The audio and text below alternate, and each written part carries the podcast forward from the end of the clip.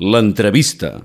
Bé, doncs ja són les 12 del migdia aquí en aquesta casa Ràdio Vila Blareig. Ja ho saben que a les 12 és el moment del programa de l'entrevista i avui aquí a Ràdio Vila Blareig a les 12 ens acompanya el Ramon Besa, per molts el mestre, amb qui parlarem una llarga estona de periodisme i també intentarem conèixer una mica més el protagonista que avui ens acompanya, com és el Ramon Besa, a qui li agraïm molt, moltíssim la seva visita avui aquí als estudis de Ràdio Vilabrareig. Ramon Besa, què tal? Molt bon dia i benvingut als estudis. Com estàs? Bon dia. Uh, bon dia, ben trobat i gràcies per convidar-me. Sempre m'agrada ficar-me per terra endins, agafar el cotxe i veure com creix el país i com van eh, pobles o pobles que gairebé esdevenen en ciutats. Eh? Per tant, Vilablareig m'ha sorprès gratament. Hi havia estat ja?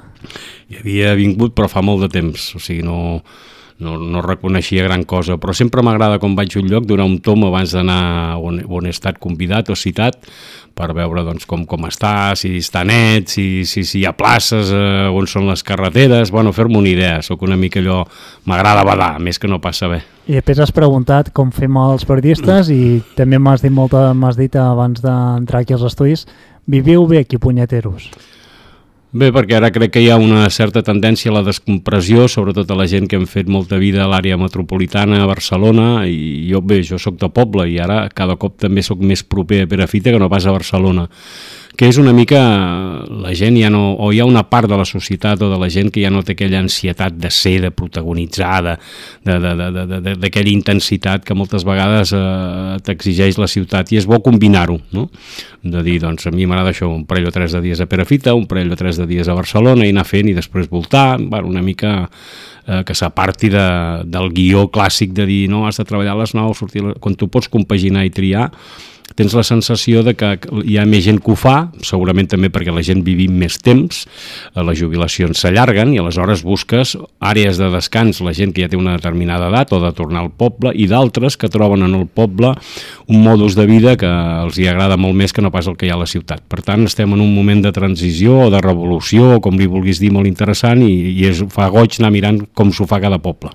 Tres minuts eh, pràcticament que passen de les 12 del matí. Avui a l'entrevista conversa amb el Ramon Avesa, que com bé saben ha acabat sent periodista, però ell va començar, com comenta, encara vivint a Perafita de tant en tant, és allà on va néixer. Ell va treballar al camp ajudant a casa a munyir vaques. En sabem algun que altre nom, com la vaca rata. A cuidar també anar amb el carro amunt i avall pel poble, família pagès i fins i tot a casa a Ramon tenia botiga i a tu també en alguna altra ocasió et va tocar atendre a la gent. Sí, no és un ofici gaire bo aquest, eh? Me'n vaig desdir eh, de sempre, però saps, les botigues de poble en aquells temps, estem parlant entre la dècada dels eh, 60-70 eh, i 70 cap als 80, tocaven el timbre i el primer que estava a la porta baixava a despatxar. Aleshores un dia et tocava un teu germà, l'altre dia et tocaven a tu, la mare prou feina tenia a casa a pujar els bailets, a, a fer el dinar, tot allò, i ai, em falta un paquet de sal, ai, em falta això allà. Allà vaig aprendre una de les coses que jo sempre em poso a l'altra part del mostrador, que és eh, que el client no sempre té raó i si em permets, per, per, per explicar el per què ve això, jo una vegada tocant el timbre vaig baixar jo i una senyora em va donar una moneda de 25 pessetes en aquell temps. Aleshores jo vaig tornar-li el canvi per un mig quilo de tomàquets i resulta que ell em va dir que era m'havia donat una moneda de 10 duros i no pas de 5 duros. Jo li vaig dir, perdoni, jo crec que sé el que em faig. Va dir, no, no, t'has equivocat sense voler, em sap greu. Vaig mirar el calaix, no hi havia cap moneda de 10 duros i aleshores, amb aquest enrenou, la meva mare, que era dalt, va, va, va sospitar que passava alguna cosa, va, va baixar i la senyora li va dir, mira, el teu fill és molt aplicat, molt bon nano, però s'ha equivocat i m'ha tornat canvi per 25 quan jo li he donat a 10 duros. La meva mare diu, perdona'm, aquest nano, sí, com tu dius, és jove, és molt bon nano, però n'acabarà aprenent. I al final, quan se'n va, la meva mare em diu, has de ser pacient, aquesta senyora, jo ja sé que li agrada, què li agrada fer i ja recuperaré aquests 5 duros. Diu, no vull perdre una, no vull perdre un client. Dic, doncs no has perdut un client, però has perdut un dependent. Des d'aquell dia vaig deixar de despatxar la botiga i només hi anava quan era necessitat imperiosa. El cotet de, de Perafita, així et diuen, eh? Sí, perquè a casa meva diuen a Cal Cotret i no he sapigut mai per què. No ho saps? No. Vull dir, poden haver moltes coses, potser algú ho sap, però, però no he sapigut mal. Quadret, cutret, però ha quedat cutret i per més que ho hagi preguntat a la família, ningú de la família ni del poble m'ho ha sapigut dia que ve. O sigui que em sap greu, tot i sent periodista, encara més greu en sap de no haver... Espero amb el temps acabar trobant-ho, però haig de començar a fanejar papers, històries i ho veurem. Avui, en aquests eh, ja 5 minuts que passen de les 12, entrevista, conversa amb el Ramon Besa, un Ramon Besa que ja de ben petit també li ha aficionat en els esports, al futbol, i també col·leccionava com un servidor i com molta gent que ens escolta, cromos, i diria que eres capaç, Ramon, de conèixer pràcticament tots els jugadors. Ja. Sí, de vegades feia bromes, no?, de dir quin és el jugador eh, que creus que trigarà més a sortir? Jo sempre tenia... N'hi havia un que es resistia allò que deies. Dos, dos de, del Pontevedra Neme, Neme i Batalla quan eh, hay que roerlo, que era el famós Pontevedra que jugava al Passarón i em costaven molt de trobar, moltíssim, no sé per què, em semblava com si em tinguessin enfilats, de la manera que jo he anat alguna vegada a Pontevedra i foto conya perquè eren dos jugadors, dos cromos que em costaven molt de sortir, però sí, sí, era... O sigui, els cromos, a més, a Perafita no hi havia botiga de cromos, de manera que els havies d'encarregar, jo tenia un cosí que anava a Prats i anava a Vic i llavors em portava el cromo, clar, era com, un, com, com quan arribava el diari, quan arribaven els cromos, com que no els tenies a l'abast, sinó que te'ls havien de portar, era com un regal, i aleshores poder completar l'àlbum de cromos era una manera d'estar de, content i al mateix temps seguir el campionat. Has acabat sent periodista, però hem sentit ocellers que també vas fer una mica de teatre. Oh, bueno, això és amateur, sí. Perquè... No, no, però vas fer teatre. Vaig, fer teatre... bueno, vaig participar en alguna obra del grup La Travinella de Perafita, a mi sempre m'agrada participar amb les entitats locals, eh, l'Anton Baig, que és el director encara del grup de La Travinella, i vaig estar dues o tres obres amb una especial que em va fer molta il·lusió, que és Arsènic per compassió, i em va tocar fer de Teddy Roosevelt, no? i el famós a la càrrega, que és el... Encara, te, encara te saps algun altre moment de, de... Bueno, tornaria a agafar el fil, el que passa no, però saps què passa? Que era, era un personatge, el Teddy Roosevelt, i bueno, tothom que ha vist Arseni per compassió, no, la, la, amb Gary Grant i tot el... Hi ha altres personatges, però la figura del Teddy Roosevelt és molt fàcil de caricaturitzar, i aleshores la canalla del poble, quan em veien, feien conya i deien, a la càrrega, no? Perquè era com un, com un, no sé, com, una, com un senyal, com, com una manera de, de, bueno, de desafiar eh, a qui fos, no? I m'ho passava bé, però és això és teatre jo, pobre de mi. M'agradaria fer, però jo, per exemple, no tinc memòria, no sé retenir textos, de vegades improvisava massa i era un mal son per qualsevol director. Llegir eh, també ho començaves a fer i em sembla que et va ajudar moltíssim, sobretot a això a, a missa, vull dir, el protagonista avui, el Ramon Avesa, també feia d'escolar i allà eh, va començar a llegir en públic. És allò que diem de vegades quan parlem de les parròquies. Eh, les parròquies tenien un sentit aglutinador als pobles i depenia molt del capellà, igual que depenia molt la teva vida del mestre. El capellà i el mestre hi feien molt i nosaltres vam tenir la sort de tenir dos capellans que es preocupaven doncs, eh, per fer cerimònies gairebé, diria, laiques, no? eh, evidentment catòliques, apostòliques i romanes, però que tenien un punt d'acolliment també a la gent que no necessàriament ho era tant. Jo sempre he dit que he cristià i aleshores tenia una vocació per anar a missa, fer d'escolar, que era una de les coses que tocava, i després doncs, llegir les lectures, llegir la, la Passió, eh, era un acte a la Setmana Santa, m'encantava per la Passió, era recitar amb altres companys la Passió, i és clar allà perds la por a llegir i perds la por a dirigir-te a la gent, no sé, perquè clar, veus la missa en aquells temps, la gent anava a missa, i Setmana Santa, quan hi havia les professors i tota la litúrgia que hi havia aleshores, doncs allò omplia, i la gent no sabia si anava a missa per anar a missa, no, anava per passar-s'ho bé. Jo mai havia tingut la sensació de que anava a missa, sinó que anava a passar-m'ho molt bé, i allà és quan vaig aprendre sí, a llegir en públic gràcies a aquell capellà que em va dir, va, surt allà al faristol i comença, i a partir d'allà, com et dic, fèiem fins i tot la passió entre dos o tres. 5 minuts i serà un quart d'una avui a l'entrevista amb el Ramon Abesa. Uh, quan veus que vols ser periodista? Uh, perquè a casa no sé si t'acompanyen amb aquesta decisió, en quin moment dius, va, uh, això vull que sigui el meu ofici? Jo sempre procurava fer les feines de casa que em tocaven, és a dir, anar al camp, sobretot acompanyar el pare, eh, també ajudar la mare amb el bestiar, però com podia sortia i m'anava a la plaça i m'agradava xafardejar, m'agradava veure què passava, m'agradava participar a tots els actes, tenia això, aquesta vocació de saber què passava. I aleshores eh, va arribar un moment en què un mestre va decidir, un mestre gallec que es deia Carlos Pérez Barrio, que va morir fa poc, va dir que cinc o sis nanos que en aquell moment anàvem a, a, a Perafita estudi, com es deia aleshores, eh, havíem d'intentar estudiar perquè se suposava que teníem alguna capacitat. i aleshores, clar, el meu pare em tirava per un braç perquè fos pagès, perquè jo a més a més sóc clareu i per tant em tocava portar la terra i la meva mare em tirava per un altre perquè no ho fos, no perquè no estimés el meu pare, sinó perquè creia que allò no tenia cap futur. De manera que jo vaig començar a veure que tenia un peu eh, a, a casa i un peu a fora. I un peu a fora el que m'agradava era això, llegir, esperar el cotxe de els diaris, escoltar la ràdio, seguir el Barça i tot aquest món em va anar portant cap al periodisme.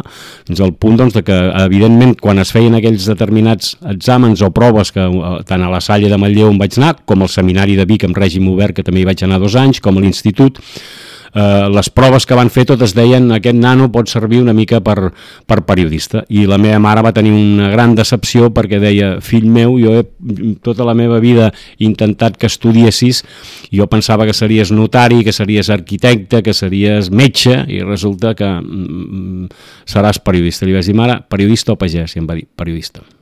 I ha acabat sent periodista Ramon Avesa i el seu inici professional en el món de a vegades desprestigiat i eh, crec que té molt de valor perquè allà surt pràcticament tothom és el periodisme local. Allà va sortir també el protagonista d'avui, el Ramon Besa, el 9-9, eh, també sent un dels fundadors. Eh, allà va començar tot. Sí, sí, allà començava tot, a més el, estem a l'època de la després de la mort del dictador, el 9-9 es comença a gestar entre 77, 78 i al final entre estudiants que anàvem a Bellaterra eh, i bé, eh, allà surt en aquell temps, clar, com que hi havia hagut tanta eh, amb la dictadura hi havia hagut tan poca llibertat d'expressió, el 9-9 va ser un èxit eh, molt gran perquè permetia explicar coses que, que la gent no, no, no, no sabia o no coneixia i diferenciar entre el que és una xafarderia d'una notícia, cosa això ho aprens també a la premsa comarcal. I és clar, començaves a ficar als ajuntaments, començaves a ficar a les entitats i la gent sortia al diari i llavors se sorprenia. I allà és on aprens a la premsa de local, uns en diuen de proximitat, cadascú que li digui com vulgui, a cas de passejar pel carrer i la gent et mira com et mira perquè parles d'ells, no? Si això és molt fàcil, jo puc fer una crònica sobre el Barça dient que, jo què sé, que Joao Fèlix, per posar un cas, doncs ha jugat un mal partit Joao Fèlix, ni s'ho llegirà, ni sap qui sóc jo, ni li importa eh, res. I en Hi ha canvi, jugadors del Barça que sí ho saben, Ramon. Algun, però no, bueno, això amb el temps va canviant, abans potser teníem més proximitat, ara menys, però si tu passes per aquí al carrer i li has dit a l'alcalde que ha fet malament una cosa, doncs quan et dirà, et dirà, però què has fotut aquí? I te, te les tindràs amb ell, amb el president del futbol, amb el davant davanter centre de l'equip o amb el jugador de bàsquet, clar, és el cara a cara i tu has de respondre, no has de ser mai un pilota perquè si no els veïns no et faran mai cas i tampoc has de ser un, un crític per sistema, sinó que has de trobar el, el teu punt, el distanciament. Sempre diuen que l'ofici del periodista consisteix en apropar-te als fets el màxim que, for, que puguis sense formar-ne part. I això on s'exerceix més és els pobles, perquè tens els fets i els personatges a tocar. En canvi, eh, quan parles de moltes coses queden molt llunyans tant els fets com els personatges. I per tant, jo abans que un màster, que un postgrau, que també a la gent els portaria un, un any eh, premsa de proximitat, premsa comarcal, premsa local o com li vulguin dir. Manlleu Voltregà, quan has d'escriure sobre aquests ho fas o no? Perquè clar, no, són no, no, no, no, no, no, no, no, no, ja, ja fa dir, temps i no... Ramon, escriu alguna peça sobre el Voltregà. Bueno, hauria de donar-me de baixa de soci, segurament. Però el Voltregà és curiós perquè jo, jo tinc molts amics, bueno, jo, jo m'he confessat sempre eh, pròxim al Barça, no sóc soci, però sí que soc, no, no m'amago de que, de que sóc culer des de petit, i molts em diuen, però com ets del Voltregà, si és un club fundat per pericos i de pericos, bé, doncs i el 9-9, moltes de les cròniques i molta proximitat el vaig tenir amb aquell famós equip del Voltregà que jugaven el Recio, el Cabanes, el Noguer, una colla, l'Humbert Ferrer, era una colla extraordinària, de, de, de guanyava Lliga, guanyava Champions, bueno, la Copa d'Europa en aquell moment 3, i sempre vaig estar molt agraït de la manera que em van tractar. I des d'aleshores doncs em vaig fer de, del, del Voltregà i per això el Voltregà sóc soci i el mateix em passa amb el Matlleu em vaig aficionar molt al Matlleu jo havia fet havia estudiat a la Salle de Manlleu i al mateix temps el, he conegut gent com els germans Alvareda, el Quim Alvareda és com el meu germà gran, he conegut doncs, gent com el, el, el, el Bernils, Toni Bernils és per mi un dels meus ídols, perquè en aquell temps que el, Madrid, el Manlleu aspirava a pujar a segona divisió A, i a punt va estar de fer-ho, doncs amb ell, amb el cromo d'entrenador, amb gent, i n'hi ha hagut molts, eh, de, de, de, de, de tècnics, de jugadors, doncs també hi ha tingut una afinitat, de manera que la gent de vegades diu eh, tu ets del Ter i ets anti-Vic, no, doncs esportivament sóc més proper al Ter i a, i a Voltregà i al Matlleu i en canvi pedagògicament o els estudis o tot ho he fet molt més a Vic. És una mica de sentir-se de tot arreu i del lloc en concret. Un quart d'una del migdia, avui conversa, entrevista amb el Ramon Avesa. Parlàvem ara, Ramon, del tema del periodisme local i ens trobem moltes vegades que ja de bon principi eh, la gent ja vol cobrar i això és una cosa que em sembla que als teus temps, tu també vas cobrar un temps amb el Mundo Diario, si no cobraves no passava absolutament res perquè era una forma de viure. Aprenies. Es, tu et consideraves ben pagat perquè eres un aprenent, que és un terme que ara s'ha perdut. La gent ja no aprèn, la gent és estudiant de pràctiques, és, van tots amb un manual d'instruccions, el que es pot fer, el que no es pot fer. Quan tu aprenies, Recordo que els pares, amb tota la bona intenció, et portaven doncs, amb algú perquè t'ensenyés o fer d'electricista, o fer de fuster, o fer de periodista, o fer del que fos, i et consideraves ja que el fet de que aprenies era la paga. Aleshores, ara això ha canviat. Jo recordo que quan vam començar el 9-9 ens vam adjudicar 25 pessetes la notícia. Imagina't, i estem parlant dels anys 79, de l'any 80, bueno, 78, i aleshores, doncs, eh, com, com, quin, quina és la remuneració que tenen. Una altra cosa és que en maltractin, una altra cosa és que la, la societat ha evolucionat molt i segurament s'ha de reglamentar o s'ha de pautar i s'ha de retribuir. Però també entenc que el concepte aprenentatge eh, és el que eh, eh, obtens a canvi de poder treballar amb un mestre i conèixer l'ofici, i aquí també reivindico la formació professional, per sort crec que s'està recuperant molt i continuo pensant que el, el periodisme té molt més d'ofici que no pas de grau, perquè el grau ha desenvolupat moltes, moltes altres especialitats com la comunicació corporativa, de responsabilitat social, moltes altres derivades. Però el periodisme, a més a més d'un grau, que ja em sembla bé que el vulguin fer, una altra cosa és si hi ha feina per tothom, sempre serà un ofici. I els oficis, mm, el, el que es paga és poc. Mira, ara t'explicaré una anècdota mm, que, que jo faig servir. Un dia eh, estava a Llafranc en una terrassa prenent un cafè i ve un senyor, un cambrer, i em diu, eh, què vol? Un tallat, llet tèbia, eh, llet natural, llet freda, natural, sucre, sacarina, amb got, amb i al final, quan m'ho ha servit, o sigui, totes les preguntes que se suposava li havia de fer jo me les feia ell. Em vaig aixecar i vaig dir, el felicito perquè és un cambrer de collons, i vostè és un fora de sèrie. I em va dir, és la primera vegada que em, que em, em sento satisfet perquè és el meu ofici, sóc cambrer. Ara, per exemple, hi ha problemes per trobar cambrers o per trobar gent a la restauració. Per què? Perquè ho fan per guanyar calés, molts, o ho fan perquè no hi ha cap, cap altra feina. Però l'ofici de cambrer és tan respectable i honorable com el d'un arquitecte, com el d'un advocat, com el d'un periodista. Per això entenc el concepte periodisme aprendre. I aprendre vol dir treballar i vol dir eh, no cobrar, o cobrar el just, no reivindicar el sou com a prioritat. Tenim alguna que altra sorpresa, ja t'ho avanço. En aquests uh, pràcticament uh, 20 minuts de conversa amb el Ramon Avesa, uh, al principi l'hem anomenat com el mestre, ell també ha dit aquesta paraula fa uns minutets mestre, i el protagonista d'ara, que l'escoltarem, uh, també li diu un mestre. Aviam qui és. Hola, Didac. Bé, sé que avui et visita el mestre. El conec fa tants anys que ni me'n recordo, primer vam, vam ser companys i, i crec que estava encara a l'avui, o ja no sé si estava al país, o estava a Catalunya Ràdio, bueno, no sé, fa mil anys. Jo estava a l'esport, sempre em va tractar superbé, jo era un niñato. I després vaig tindre l'orgull, la sort i el privilegi de treballar amb ell, era el meu jefe. L'he tret a Polleguera tant que no sé com està viu. I bueno, aprofitant que em deixes enviar-li aquest missatge, Eh, res, volia donar-li les gràcies per tot el que ha fet per mi i per la meva família.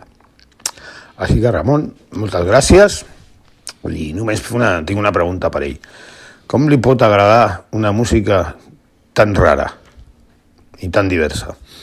Perquè a mi m'agrada de tot, del punk a la música clàssica, però és que a ell li agrada una música sud-americana estranyíssima. I res, doncs això, que moltíssimes gràcies, Ramon, per tot. Salut. El Lu Martín. Sí, Lu Martín. Bueno, la, la pregunta és que no tinc oïda. M'agrada escoltar música, però no sé si només sé si m'agrada o no i sóc tan de conformar que m'agrada tot. No sé si va per...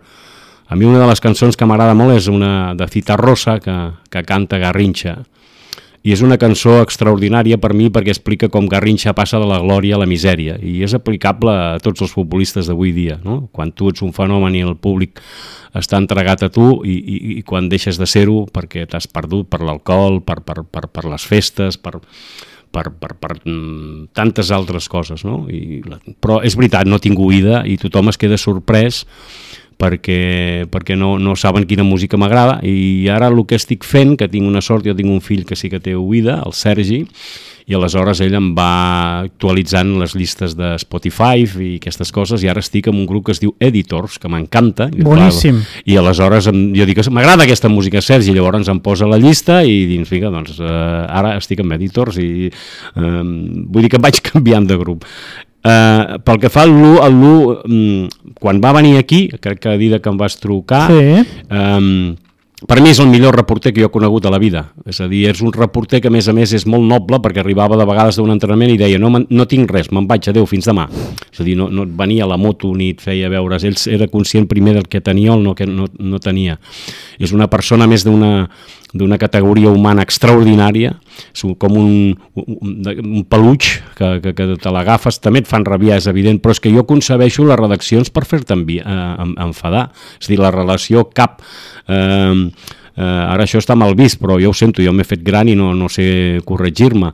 Amb, amb, amb, amb un company és dir si una cosa t'agrada no t'agrada i si no t'agrada dir-ho i barallar-te i empipar-te i renyir-te, però renyir-te des de la professionalitat i el bon rotllo i tu intentes fer-li veure el que tu veus i que ell no veu, i de vegades té raó un i de vegades té raó l'altre, i sí, havíem tingut doncs, algunes enganxades. Normalment, si tu eh, parles amb gent que em coneix, tu saps que la meva taula i al voltant de la meva taula ja sempre normalment hi ha fressa. Si el Ramon està quiet o manyat, malament. Segurament em ve de vegades la, la Montse i el Sergi, la meva dona i el meu fill m'ho recriminen del món de pagès, no? gent que està acostumbrada a renegar a granel, gent que crida, gent que té un to de veu alt, però gent que en el fons mm, difícilment et faria una putada. No dic que, que no hagi pogut fer mal amb algú, si ho he fet ha estat involuntàriament. Soc molt extrovertit, sóc molt expansiu, parlo massa i aleshores fa que al, al meu voltant passin aquestes coses. Però si tu em dius una, un treballador que t'emportaries o un, un company que t'emportaries a qualsevol lloc, seria l'U Martín.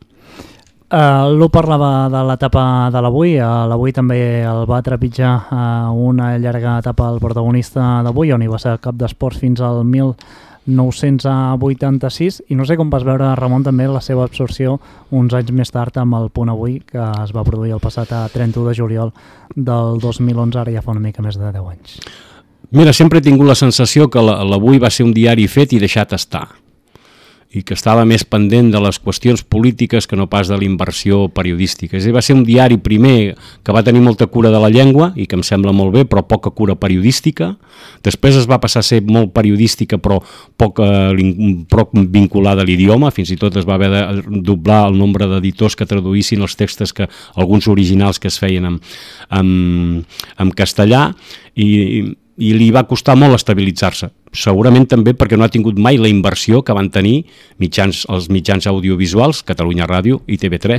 És a dir, si tu mires el que va significar l'etapa de Pujol, el naixement, el 83, no, de, de Catalunya Ràdio i de TV3, va ser a partir de no només d'una aposta informativa amb gent molt bona, sinó també econòmicament forta i a l'avui sempre vaig tenir la sensació de que allò mm, sempre gronxava, no acabava d'estabilitzar-se. Després, amb el temps, la, la, les fusions que hi han hagut i tota la història, crec que de vegades algunes obeeixen a qüestions comercials, altres a interessos particulars determinats. Soc incapaç d'avaluar què significa aquesta fusió. Jo el que sí et puc dir és que jo quan vaig a Girona intento comprar el punt avui i evidentment que s'obre amb l'edició de Girona, però també compro el diari de Girona és a dir, no, no, no concebeixo anar a Girona sense comprar eh, el diari de Girona al mateix que, temps que la versió del punt. És a dir, soc, soc una mica molt curiós i m'agrada veure les coses com des de dos punts de vista, però m'agradaria d'alguna manera, sobretot per una qüestió de la llengua i també per una qüestió que a mi em, em convé, jo sempre intento, t'explicaré una altra anècdota, jo procuro comprar l'edició o quan estic subscrit del periòdico i de la Vanguardia en castellà, perquè la majoria o molts dels textos o dels autors sé que escriuen en castellà, però en canvi en compro a l'ara i el punt avui, perquè per mantenir la, la llengua eh, jo vull l'edició original, vull la versió original, no vull la traducció, i avui dia doncs, les màquines, la intel·ligència artificial fan que moltes vegades això es canvi. Per tant, sóc un, un seguidor també del punt avui. 5 minuts i dos quarts d'una, 25 minuts ja de ràdio amb el protagonista avui amb el Ramon Avesa. Parlaves de Catalunya Ràdio i una altra sorpresa d'una persona que és un gran amic del protagonista d'avui i que també li vol deixar un missatge. Santi Carreras. Hola, bon dia. Mm, En Ramon té, té molta presència a les xarxes. És habitual, doncs, al Twitter, per exemple. Té molta... i té molts seguidors. I el que no defuig mai és el, el contacte amb, amb els seus seguidors. Amb això és extremadament generós i mai no ho he acabat d'entendre. Les seves cròniques sabeu que són, són seguides i, i sempre mm, més de no pot generar, potser a vegades, una certa polèmica. Ell sap com juntar lletres. Fa més de 40 anys que, que ens coneixem i que hem coincidit eh, professionalment. Però el meu dubte és el següent. Tu creus, Ramon, que arribarà el dia que deixaràs d'interactuar amb els eh, seguidors que tens a les xarxes o això no passarà mai? Perquè, clar, sempre pateixes per donar-los explicacions, per justificar allò que algú no entén o busca la polèmica allà on no hi és. Vaja, que a mi sempre m'ha semblat que ets massa generós en aquestes, entre cometes, discussions a les xarxes. Bueno, Santi Carreras he pres moltes coses i suposo que si ara treballéssim plegats em, diria, em faria tancar el Twitter o diria que no m'hi amoïnés tant. És veritat, jo, no, jo sóc un maldestre amb les xarxes socials, no, no, no, no sóc un, eh, un natiu digital i tot això em tortura bastant, no, no, no ho porto massa bé, perquè és veritat que quan m'interpel·len o que veig el meu nom mm, per la circumstància que sigui, intento aclarir eh, eh, per què doncs, aquella opinió eh, sigui favorable o no sigui favorable, moltes vegades són favorables però d'altres no són favorables. I la gent que no li agrada intento saber el per què o qui, on està el punt de la discussió, on està la crítica, perquè jo com que ja ho veus que parlo molt i disgrego molt, Twitter t'obliga a concentrar-te molt, a concentrar el teu discurs, i jo això no en sé.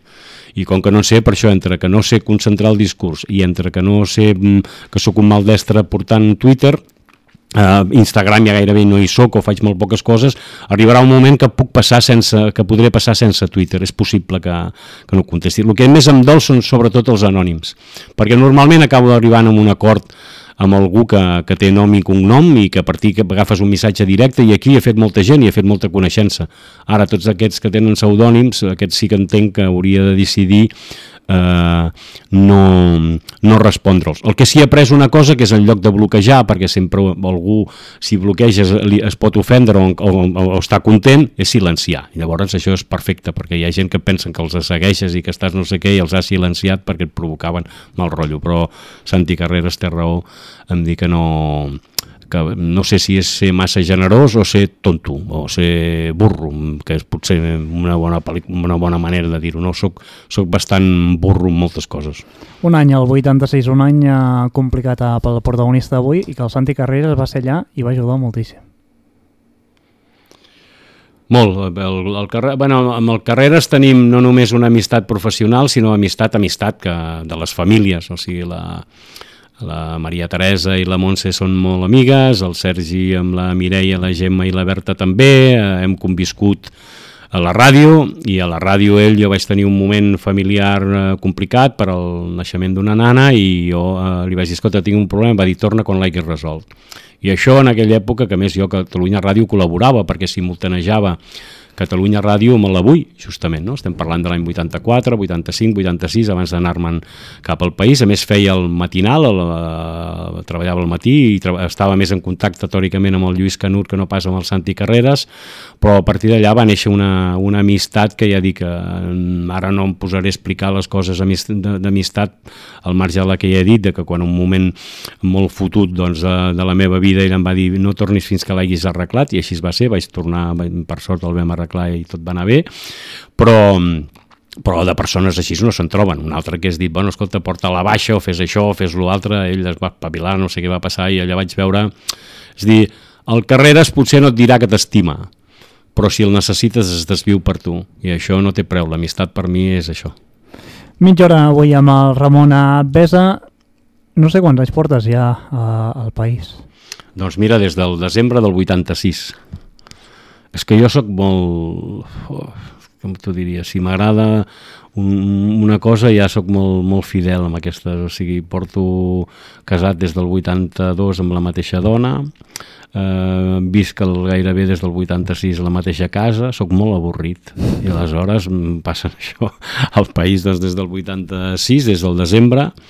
I és veritat que per sort he tingut l'oportunitat de d'anar a algun altre mitjà, eh, però sempre m'he sentit molt ben tractat allà a gust, sense necessitat de renegociar contractes ni històries d'aquestes. Ara sí, de totes maneres que eh, tot i continuar vinculant, vinculat al país, acabo de fer 65 anys i per sort eh, m'arriba l'etapa de, de, de, de prejubilació i això per mi significa molt perquè ara necessito fer un pas al costat i mirar-me més a les coses més que no pas protagonitzar, liderar o, ser, o el sentit de la responsabilitat que fins ara tenia. Aquest pas al costat ja el tens assumit? I tant, sí, sí. Soc molt... Per exemple, vaig deixar ja la universitat, més faig coses concretes, feia un seminari a Blanquerna, eh, estava molt actiu en altres llocs, també havia col·laborat a la Pompeu, a la Universitat de Vic, ara faig una classe de crònica a la Universitat de Vic, eh, estic al màsters de Blanquerna, però són coses puntuals, uns sobre ètica i els altres sobre crònica, imagina't. Però ja no dirigir, no liderar, no portar, no corregir, no qualificar, per, per, per algunes qüestions. Una que és que perquè tot el que jo sé, tot el que jo sé fer, eh, amb els alumnes no els interessa. I tot el que els interessa als alumnes no ho sé fer jo. Per tant, és un desencontre. I no és un problema dels alumnes. Jo no renegaré mai dels alumnes. És un problema dels docents. El periodisme es havia fet fins ara amb teòrics que s'han de reinventar i amb pràctics que exercíem l'ofici, però que també ens hem de reinventar perquè les eines que fèiem servir nosaltres per fer la feina han canviat. Aleshores això necessita nova gent, nous lideratges, necessita una nova generació i aquesta és una generació que jo considero que pot tenir entre 35 i 55 anys. I no m'agradaria ser en aquella definició que crec que va dir el professor Sala, en el sentit de que hi ha la generació TAP. No vull ser un TAP de res, o sigui que per tant deixo de ser TAP, em faig un costat i em dedicaré si puc a escriure, a parlar i a badar, que és el que m'agrada i crec que d'alguna manera l'edat que tinc és el que es pot fer. Com veus aquest nou periodisme? Perquè clar, estem una mica perduts també. Bueno, eh, jo crec que sortirà un nou periodisme. El periodisme és necessari. El problema és eh, que ha canviat el consum, la gent ja no, ja no necessita el periodisme per informar-se, sinó perquè li donguin la raó. La gent, com, tu abans compraves un diari o escoltaves la ràdio o la televisió per saber aviam què passava. Ara ja no, m'escoltes perquè diguin, veus, aquests sí que diuen el que jo vull. Per tant, la gent s'ha acostumat a les audiències en lloc de les subscripcions, pensa que es pot subscriure a Netflix, que es pot subscriure a qualsevol plataforma, però en canvi li costa molt subscriure's a un diari, i aleshores els diaris han agafat la via de les audiències, que no és la de les subscripcions. Els diaris només poden viure a partir de les subscripcions, gairebé com accionistes. I fins que no s'estabilitzi aquesta indústria informativa i el consum d'alguna manera es torni a obrir i pensar que paga la pena comprar un diari, escoltar una emissora de ràdio, a veure en determinats programes de televisió. El que no es veu amb la continuïtat d'abans, i això ho entenc, tu abans posaves la televisió, posaves una emissora i durava tot el dia, o compraves un diari i només et creies allò. Però crec que nosaltres hem de recuperar la credibilitat. Hem perdut la credibilitat, però al mateix temps també estem en un punt eh, molt fotut de, de que la indústria eh, periodística perd calés, per tant els, els empresaris difícilment hi volen invertir, la publicitat s'ha atomitzat eh, i ha deixat de ser un negoci, aleshores el mecenatge ja, ja, ja s'utilitza per, altres, per altres qüestions, però hem d'estimular a la gent que pagui la pena i això es fa fent bon periodisme. I el bon periodisme avui el dia bon periodista és, pre és preguntar, es pregunta ara? No, ara la gent moltes vegades s'exhibeix més que preguntar. Gràcies. Eh? És a dir... Eh, surt... això, això ho notes, eh, tu també? Home, i tant, hi ha una, hi ha una impostura amb cada pregunta, de vegades hi ha també l'obsessió dels directes, una mateixa pregunta feta set vegades, un, un perquè estic en directe, bueno, escolti, jo estic en diferit, a mi què, què, què, què, què, què m'explica? Si li acabo de respondre la pregunta, cadascú, no, la gent no escolta, si una pregunta ja s'ha fet i l'han resposta, una altra cosa és que tu haguis d'insistir perquè la resposta no és convincent, no perquè tu, tu estiguis eh, al cap. El problema és que ara m'ha sortit la paraula que és el directe. És a dir, tot és directe ara. Tot a última hora. Tot, tot és una cosa molt periodística, molt de carrusel, eh, que és allò del gol, gol, que tu anaves amb el cotxe i tot plegat senties la ràdio, pip, pip, pip, pip, pip, pip, el gol del que sigui. Ara tot és en directe. El president de la Generalitat acaba de sortir de casa i es dirigeix cap al Palau de la Generalitat. Home, només faltaria, va, va treballar, no? Va, va, va fer el que... Porta una corbata vermella, fa mala cara. Llavors surt algú a examinar si aquella mala cara i aquella corbata... Però escolti, deixi que arribi al Palau de la Generalitat, si té alguna cosa que dir ja ho dirà i si no vostè miri de saber què ha passat. Però tots són directes, tot. Es fa un directe de qualsevol cosa. De manera, i ho reivindico, perquè els cronistes estem quedant fora de joc. És a dir, qui es compra un diari per llegir la crònica si tothom ja ha vist el partit mil vegades, si tothom ja ha vist el headline, si tothom ja té l'opinió. Per tant, la gent considera que és molt més fiable fer un directe en què la gent intervé, a més, eh, fora de joc, penal, el que sigui. És tot seqüenciat. No tenim sentit de continuïtat. Aleshores, el partit de futbol avui mateix ja no se sap ni celebrar un gol. Ara els jugadors, abans d'aixecar el... Abans pensaven en una cosa molt, molt industrial, que era pensaven més en com celebrar els gols que de vegades s'oblidaven de fer-los. Eh? Si les samarretes, si no sé què, si no sé quantos... I ara, en canvi, resulta que no, miren, els, miren els líniers, miren a tot arreu perquè no saben si és gol o no és gol. Llavors, què permet això? La seqüència, el bar, eh, la, la intervenció, les pautes, fa que, tot la, que tothom pugui intervenir. I és la nova societat, no sé si estem en un món cada cop més americanitzat, en la que la gent va als espectacles esportius que jo conec, a més a més doncs, d'això, de menjar un Frankfurt, de, de, de consumir, de portar una samarreta i de passar-hi la tarda. I aleshores aquest concepte a mi em costa molt de desxifrar-lo perquè per explicar-lo hauria de desaprendre el que he après i aprendre una altra cosa que ara em fa mandra fer i no sé si seria capaç. Molta gent ha llegit les cròniques d'Albesa. Quan vas al camp, en què fixes?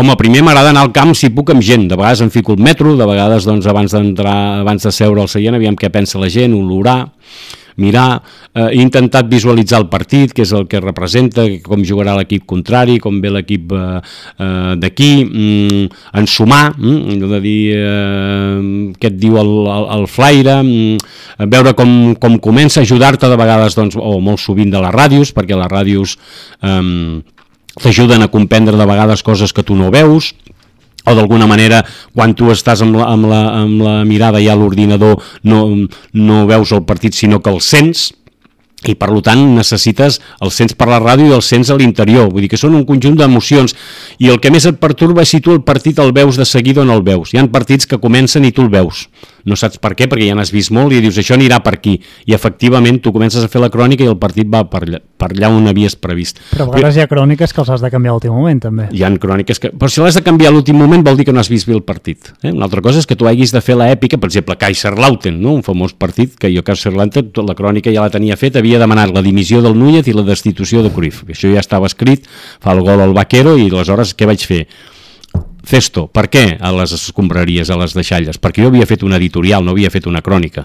I la crònica vol dir que el Barça va jugar molt malament, que va tenir la fortuna d'aconseguir un gol, i per tant la crònica hauria de dir un gol eh, a l'últim minut va salvar un partit pèssim, perquè el partit es va fer això, va... en canvi passem a convertir aquell gol en la gran notícia, però perdem el sentit de la crònica, sinó que el gol es converteix en la notícia. Aleshores aquest joc és un joc punyetero que de vegades resols bé, de vegades no resols bé. Jo sempre dic que hi ha dos tipus de crònica, la crònica conceptual, que un fil conductor, i una crònica descriptiva. Clar, a mi m'agradaria assemblar, ni que fos de, a, a mil quilòmetres de lo que era Josep Pla, que tenia una capacitat de descriure tan gran que això et permetia que quan tu no veies el concepte del partit, doncs a través de la descripció de com veies un gol o com veies l'ambient, salvaves la crònica.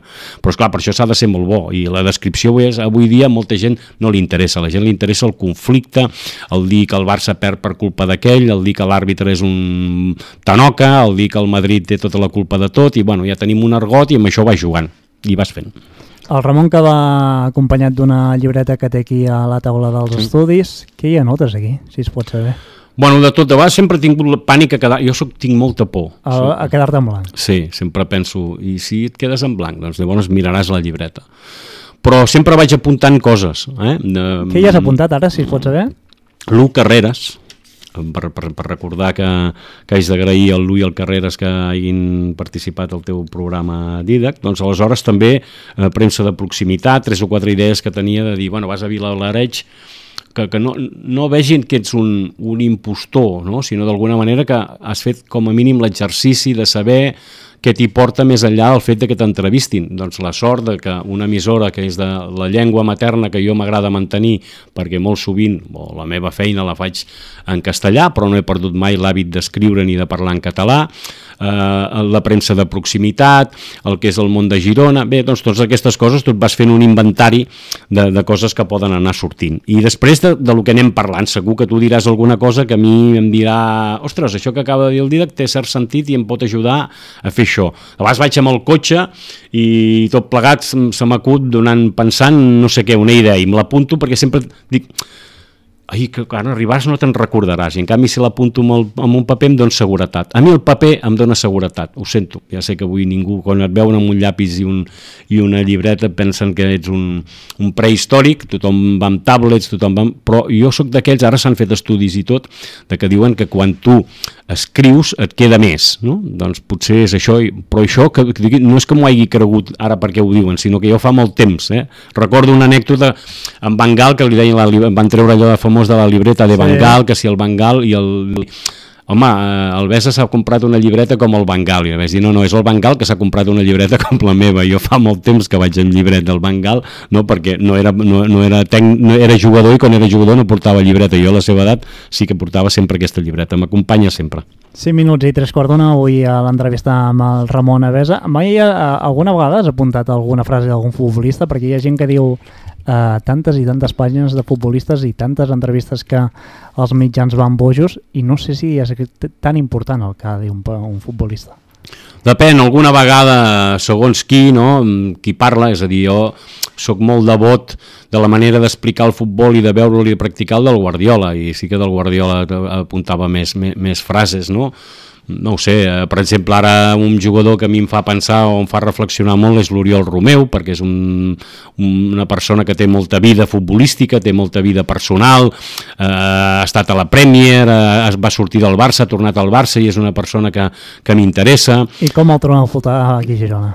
Ah, sí, i, i dius clar, eh, eh, jo entenc el punt de vista del Girona, però també entenc el punt de vista de l'Oriol, que és a dir, un mig centre que en un moment determinat ha de marxar perquè veu que Busquets, eh, aquest mig centre, aquesta figura que s'ha inventat Guardiola, és difícilment serà substituïble, com, com s'ha demostrat amb el temps, i que ara té l'honor de tornar-hi.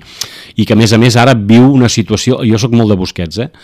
eh la situació de que per substituir a Busquets en necessiten dos no n'hi ha prou amb el Busquets sol. Necessiten un que doni seguretat defensiva i que doni joc de, de posició, com és l'Oriol Romeu, que jo crec que això ho fa, però en canvi necessites molta, un jugador augmentar la possibilitat de jugar en atac, perquè la fase d'atac que també feia Busquets a partir de, de, de mig camp contrari, doncs és més difícil que la faci l'Oriol perquè no han estat la seva, les seves facultats i per tant has d'activar més a les conduccions de De Jong, has d'activar eh, molt més Gundogan, has de, has de fer que hi hagi Pedri, perquè això que d'alguna manera a partir de Busquets fluïa, però és una cosa que a mi futbolísticament m'encanta perquè al voltant de la figura del mig centre del Barça pots explicar-te el joc de l'equip. I n'hi ha hagut de molts des de que va aparèixer un senyor que es deia Johan Cruyff i va posar Luis Milla en un partit contra l'Espanyol eh, la figura del mig centre no ha estat mai la mateixa. Ha estat Guardiola, ha estat Koeman, ha estat Edmilson, ha, ha, ha estat Márquez, ha estat Busquets, o sigui que va evolucionant. I per tant l'Oriol ho, té, ho té difícil, però de moment se n'estan sortint molt bé perquè crec que té condicions, per, malgrat, la, malgrat la dificultat, ell té condicions i s'ha guanyat el dret de, de, de, de ser titular al Barça. Malament aniria que marxessi sense parlar una mica del Girona.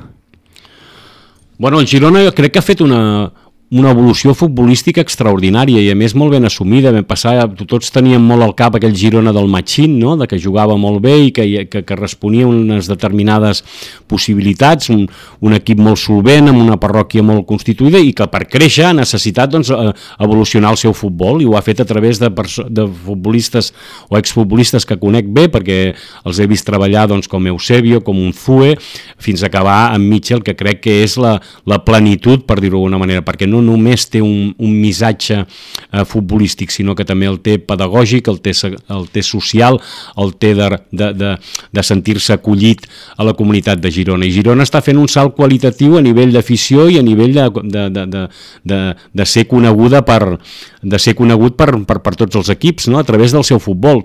A Girona el futbol ha estat un més a més. Hi ha, hi ha llocs que el futbol ha estat capdalt per conèixer, no? En canvi, a Girona la gent hi anava, doncs, jo que sé, de turisme o anava a menjar, i en canvi la comunitat del Girona era una comunitat futbolísticament molt més reduïda.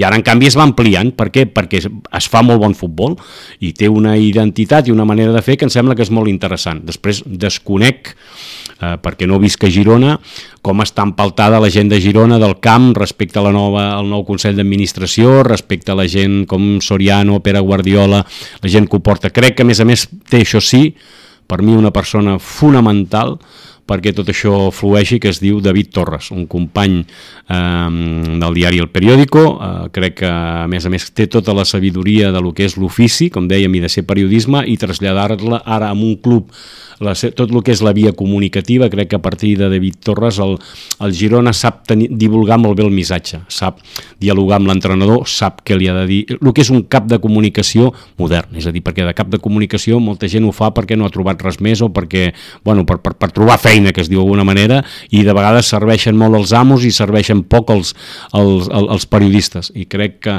el Girona té un entrenador extraordinari, té un cap de comunicació extraordinari, té jugadors molt interessants i té una manera de fer que agrada, ara ha de tenir continuïtat i després del repte l'any passat sembla que va per bon camí, perquè clar, després de l'any passat et pot venir vertigen i de dir ui, ui, ui, ui, serà molt difícil si el Girona aconsegueix mantenir aquest joc i aquesta estabilitat que té ara, doncs serà un equip que haurà de començar a mirar més cap amunt que no pas cap al mig. Parlaves de David Torres, clar, ara és el cap de comunicació del Girona, i això que ens trobem moltes vegades, eh? L'accessibilitat. Vull dir, ell ha estat molts anys també de periodista, ell volia allò d'entrar, entrar, entrar, i ara està amb aquesta barrera. Vull dir, com ha de ser això? Perquè ell suposa que voldria, però no vol. Bueno, ha de trobar allò que dèiem de la distància, no? Has de, de trobar eh, com, com crec que un cap de comunicació el primer que ha de fer és no mentir. Mm? no, no, no pots vendre garces, ni vendre garces per perdius, eh? per més que propaganda que haguis de fer. I saber discriminar també, que és una cosa molt important, entre la gent que és de fiar, que no vol dir que siguin dels teus, sinó que és de fiar, i els que no. I cada cop ens hem massificat més, cada cop hi ha més gent, cada cop hi ha més oportunistes i aleshores un cap de comunicació ha de disgregar, i ha de, i ha de discernir i ha de dir, eh, eh, eh, i ha de triar. Aleshores, mm, a vegades es poden mm, provocar o poden haver-hi greuges comparatius i pot haver algú que se senti mal tractat, algú que, que, que entengui que no és corresport respecte al seu esforç, i jo això ho entenc. Per tant, és molt difícil contactar, eh, eh contentar tothom. Però sí que entenc que el David se sap molt bé què és el que vol i com ho vol. Però, evidentment, els periodistes no estem per ser amics dels caps de comunicació. Més aviat hem de ser incòmodes amb els caps de comunicació. Eh? És dir, això és una altra cosa, és dir, que aquest esport també... Els periodistes som tots recollons. És dir, Torrecollons... S'ha de ser Torrecollons, sí, eh? No Encara ets... que tinguis una gran amistat amb aquella persona, Home, tu has de ser Torrecollons. Torrecollons, igual. el que no pot ser és un mentider i, un, si se'm permet l'expressió, un fill de puta. Però vull dir, és a dir, jo, diuen és que els periodistes han de ser bona persona. Bueno, això ho va dir el Kapusinski, queda molt bé, però jo he conegut periodistes molt bons que eren grans cabrons. Mm? Una altra cosa és dir, tu tries i es pot ser un bon periodista i ser una bona persona, també jo prefereixo ser això que no pas un altre, però vull dir, el periodista per si és una persona que emprenya, perquè, que, que, que vol saber, que pregunta, i ara tot el que és el món, totes les empreses, totes les companyies s'han blindat a partir de serveis de comunicació, que són els que disfracen el buit, que disfracen la veritat. Aleshores, clar, quan vas a preguntar, pensen, pensen que vas en contra, que ara és el típic. Si tu ets de Vilablareig i dius que l'alcalde de Vilablareig ho fa malament, vas contra el poble. No, no, no, no, perdoni. Ni vaig contra l'alcalde, vaig contra el senyor que exerceix l'alcaldia, que no m'agrada com ho fa, o vaig contra l'entrenador de futbol, que no m'agrada, jo no vaig contra el Barça, ara està molt de moda això, és que ets antibarcelonista perquè qüestiones l'entrenador o qüestiones el president, escolti, què és que vostè otorga el carnet de, de barcelonista a qui vol? No, serà que el que exerceix en aquest moment el càrrec de president a mi no m'agrada com ho fa, aleshores hem perdut l'oremos, això de el, el, la premsa eh, ha caigut en una errada molt gran perquè la, i per crear la, la, la desconfiança de la gent. Eh, som hooligans. Ara ja, per exemple, la premsa esportiva és premsa de club, no és premsa esportiva. Estàs a favor o en contra. Llavors, formes part o no formes part. I, i això de ser escèptic i de dir, bueno, feu-ho, s'ha perdut. Llavors, si no ets del grup, merda. I si, no, I si ho ets, doncs aleshores eh, sempre a favor. I si no ho ets, sempre en contra. Doncs no, poden haver coses que t'agradin i coses que no t'agradin. I això és el que hem perdut. La premsa política més o menys fa el mateix. Avui dia tots sabem ja eh, què llegiràs en un diari, què llegiràs en un altre. Hem perdut allò de, de la gestió de la incertesa, de la gestió de les coses que no, no, no es veuen, d'aprofundir, perquè com que en aquest directe i en aquesta febre i en aquest punt d'activitat frenètica fa que ens oblidem del context, de la interpretació, de la, de la i l'opinió la venem tan gratuïta que tothom opina, tu abans per opinar trigaves molt temps als diaris per fer una columna d'opinió. millor tenia 70 anys que t'obrien una columna d'opinió. Ara la gent comença a opinar. Tu arribes un alumne a la facultat, el primer que vol és opinar, no informar. No, no, no, no escolti, primer has d'informar. Si informes molt bé, és possible que acabis opinant sobre això que has vingut informant molt temps. Ara és al revés. Per tant, per això també et deia que tant la facultat com, com el que està passant als mitjans de comunicació mereix una mirada i un tracte nou de gent nova perquè si no els vells l'únic que farem és anar emprenyant i no deixant créixer eh, hi havia em sembla que era Gramsci que deia sempre quan lo vell no acaba de morir i lo nou no acaba de néixer apareixen els monstres mm? és possible que estiguem en, en una fase d'aquestes. Però has vist els monstres ja? Sí, n'he conegut sí? uns quants. Sí. No has conegut? I, i procuro apartar-me'n bastant d'aquests monstres. Gent tòxica, no?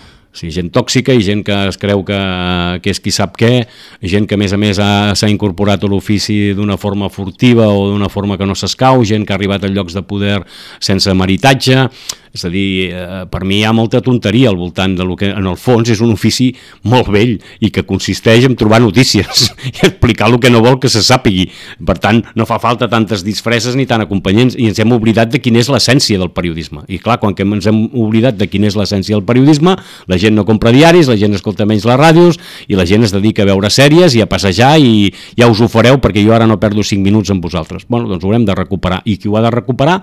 I jo estic molt a favor de la gent jove jove o la gent d'aquesta franja de que et deia de 35 a 55 anys com a docents, gent de que reinventin el periodisme però partint de quina és la seva essència. No podem perdre l'essència, que és explicar el que la gent no voldria que s'expliqués, o els que són protagonistes que no se sabés. I això vol dir emprenyar, tocar els pebrots, eh, ser, eh, tenir una vida molt agitada, eh, no, no poder anar a sopar amb els amics, eh, no saps si tens una certa estabilitat, no, no tens hores perquè les notícies passen a qualsevol hora, i discernir entre el que és una xafarderia, i una notícia, que això els de pobles ho sabem, perquè tu aquí et deus trobar 25 anècdotes al dia. Per dir quina és notícia o no, si vius en un poble això ho aprens. De vegades, segons on vius, això no ho aprenen. I per sort, jo crec que els que estem venim d'aquesta premsa comarcal ho hem entès des de molt petits. Menys de 10 minuts i la una, 50 minuts llargs avui aquí amb el Ramon Besa. Una altra sortida és llegir. No sé si està escrivint alguna cosa, Ramon, que ara dius que una mica en mica vas fent una mica de passes al costat. Bueno, eh, vaig llegint i vaig escrivint, escrivint, molta gent em diu, bueno, per què no escrius un llibre i tal? El primer llibre que vaig escriure... És que fa molt que no escrius, eh? Vull dir, fa bastant. Bueno, vaig fer un llibre mmm, que em sembla que es van vendre 30 exemplars i em van passar les ganes de, de, del genio al mal genio, es deia, hm? que era de Curifa Bangal. Jo vaig pensar, el, el títol no està malament, no?, del genio al mal genio, és un títol del Guillem Martínez, que, que, que, que em va deixar, un company que teníem, i el vaig fer amb tota la era una recopilació de diferents articles que es havien fet, i res, se'n van vendre 30 i vaig dir, el que tu escrius no interessa a ningú, ni cap llibre ni res. A partir d'allà vaig fer un llibre sobre Maradona, dels, dels llibres del centenari del Barça, en què jo vaig dir si hi ha 100 llibres i mi me'n toca un, vull Maradona, perquè la gent menys té a Maradona, i jo crec que Maradona va ser... Eh, a mi em va, vam passar del futbol quiet de Kubala, i tècnicament precís, al futbol eh, hàbil i volador de l'as volador de Cruyff i vam passar a lo que és el regat, a lo que és el, eh, la gambeta, a lo que és Maradona. I això és per mi l'evolució del futbol. Després Messi segurament ha estat un compendi de tots aquests. Però vull dir vaig fer aquest de Maradona i després sí que he col·laborat doncs, amb un llibre de l'Iniesta, amb el Marcos López i amb el de l'Unfue però no, no sé, he tingut alguna proposta, però no... Sí que m'agrada fer la crònica ciutadana, un cop al mes al país, tu citaves abans lo de la vaca rata, que aquesta crònica a mi sí que em permet, perquè surto de lo que és el futbol i m'obliga i m'exigeix molt, em costa molt fer-la, i aleshores doncs, em dedico potser una mica més a això, ara m'obsessiona molt intentar fer un relat sobre què passa al Lluçanès. Ara ja sou comarca. Ah, sí, bueno, però, no, costat, eh? però no es pot dir. No es pot No dir. es pot dir? Es pot dir fora, però a la gent del, de, la- de, 43ena ja, a la gent de la comarca els hi dius, ja sou comarca, i la gent s'emprenya, calla, calla, no aixequis la veu perquè algú s'enfadarà, no, no ho sabem gestionar. Ha estat, això ha estat aquest any, eh, Ramon? Vull dir. Ha estat aquest any, sí, sí, vaig tenir l'honor i la, la, la, la possibilitat d'anar al Parlament i de viure perquè jo era dels militants, o he estat sempre un militant defensor de la comarca del Lluçanès, no per res, sinó perquè tingués una identitat pròpia, no per estar barallat amb la plana de Vic o estar distanciat del Bages o del Berguedà, sinó perquè crec que la, que la comarca necessita refer-se, repensar-se i no ser una sub o dependre de però això doncs costa perquè els pobles doncs ara són vuit, eh? o sigui de, eh, i a, a més a més de pobles perifèrics com Sant Feliu Sacerra, Sant Bartomeu del Grau i Marlès que, que llinden amb altres comarques i tenen determinats tics eh, administratius que són difícils de combatre, s'hi van afegir Sant Boi de Lluçanès i Sant Agustí que també han marcat diferències i aleshores això fa que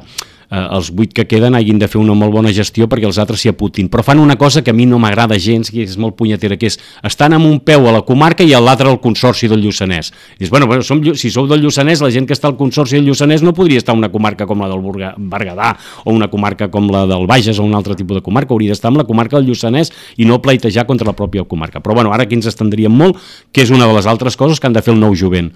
El Lluçanès, per sort, des de que s'ha obert eh, la carretera de l'Eix, eh, fa que hi vagi molta més gent, ha arribat molts joves, molt jovent, i aquests són els que han de decidir què volen fer amb el Lluçanès. Per tant, una altra cosa que faig un pas al costat i que el meu manera de liderar això no estaré amb els capdavanters, sinó que acompanyaré, però ja no estaré al davant.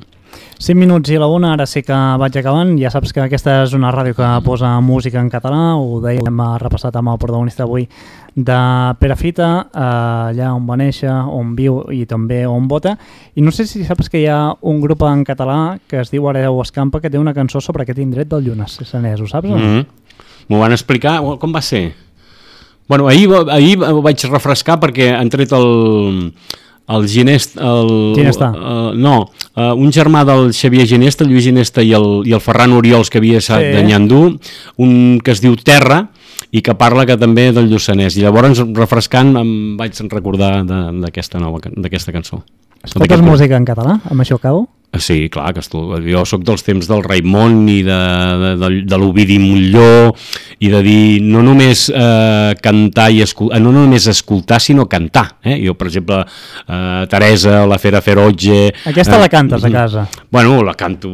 la, la, més que cantar, intento recordar-lo, evocar-la, però quan era jove la cantava, vull dir, quan eres militant en aquells temps, clar, jo vaig ser un gran seguidor, m'agradava molt l'Ovidi, m'agradava molt el, bueno, tot aquell tipus de cançó catalana reivindicativa, havia anat a Canet a les 6 hores, havia anat, m'agradava i d'aquesta manera encara estic, m'agrada molt tots els grups catalans que surten, per exemple, a mi m'agrada Rosalia, perquè crec que a, mi m'agrada el flamenc, perquè a mi m'agrada anar a, a, a prendre una, una canya o un finito a, a, a Granada i després hi ha un grup de flamenc que toca m'agrada escoltar el flamenc. Per això que com que el meu oïda ho, ho, ho agafa tot, eh, home, no m'oblidaré dels meus temps d'universitari d'inici de la cançó catalana i sempre el fil conductor que he tingut amb els autors perquè és la llengua materna, com dic, i perquè m'agrada com canten.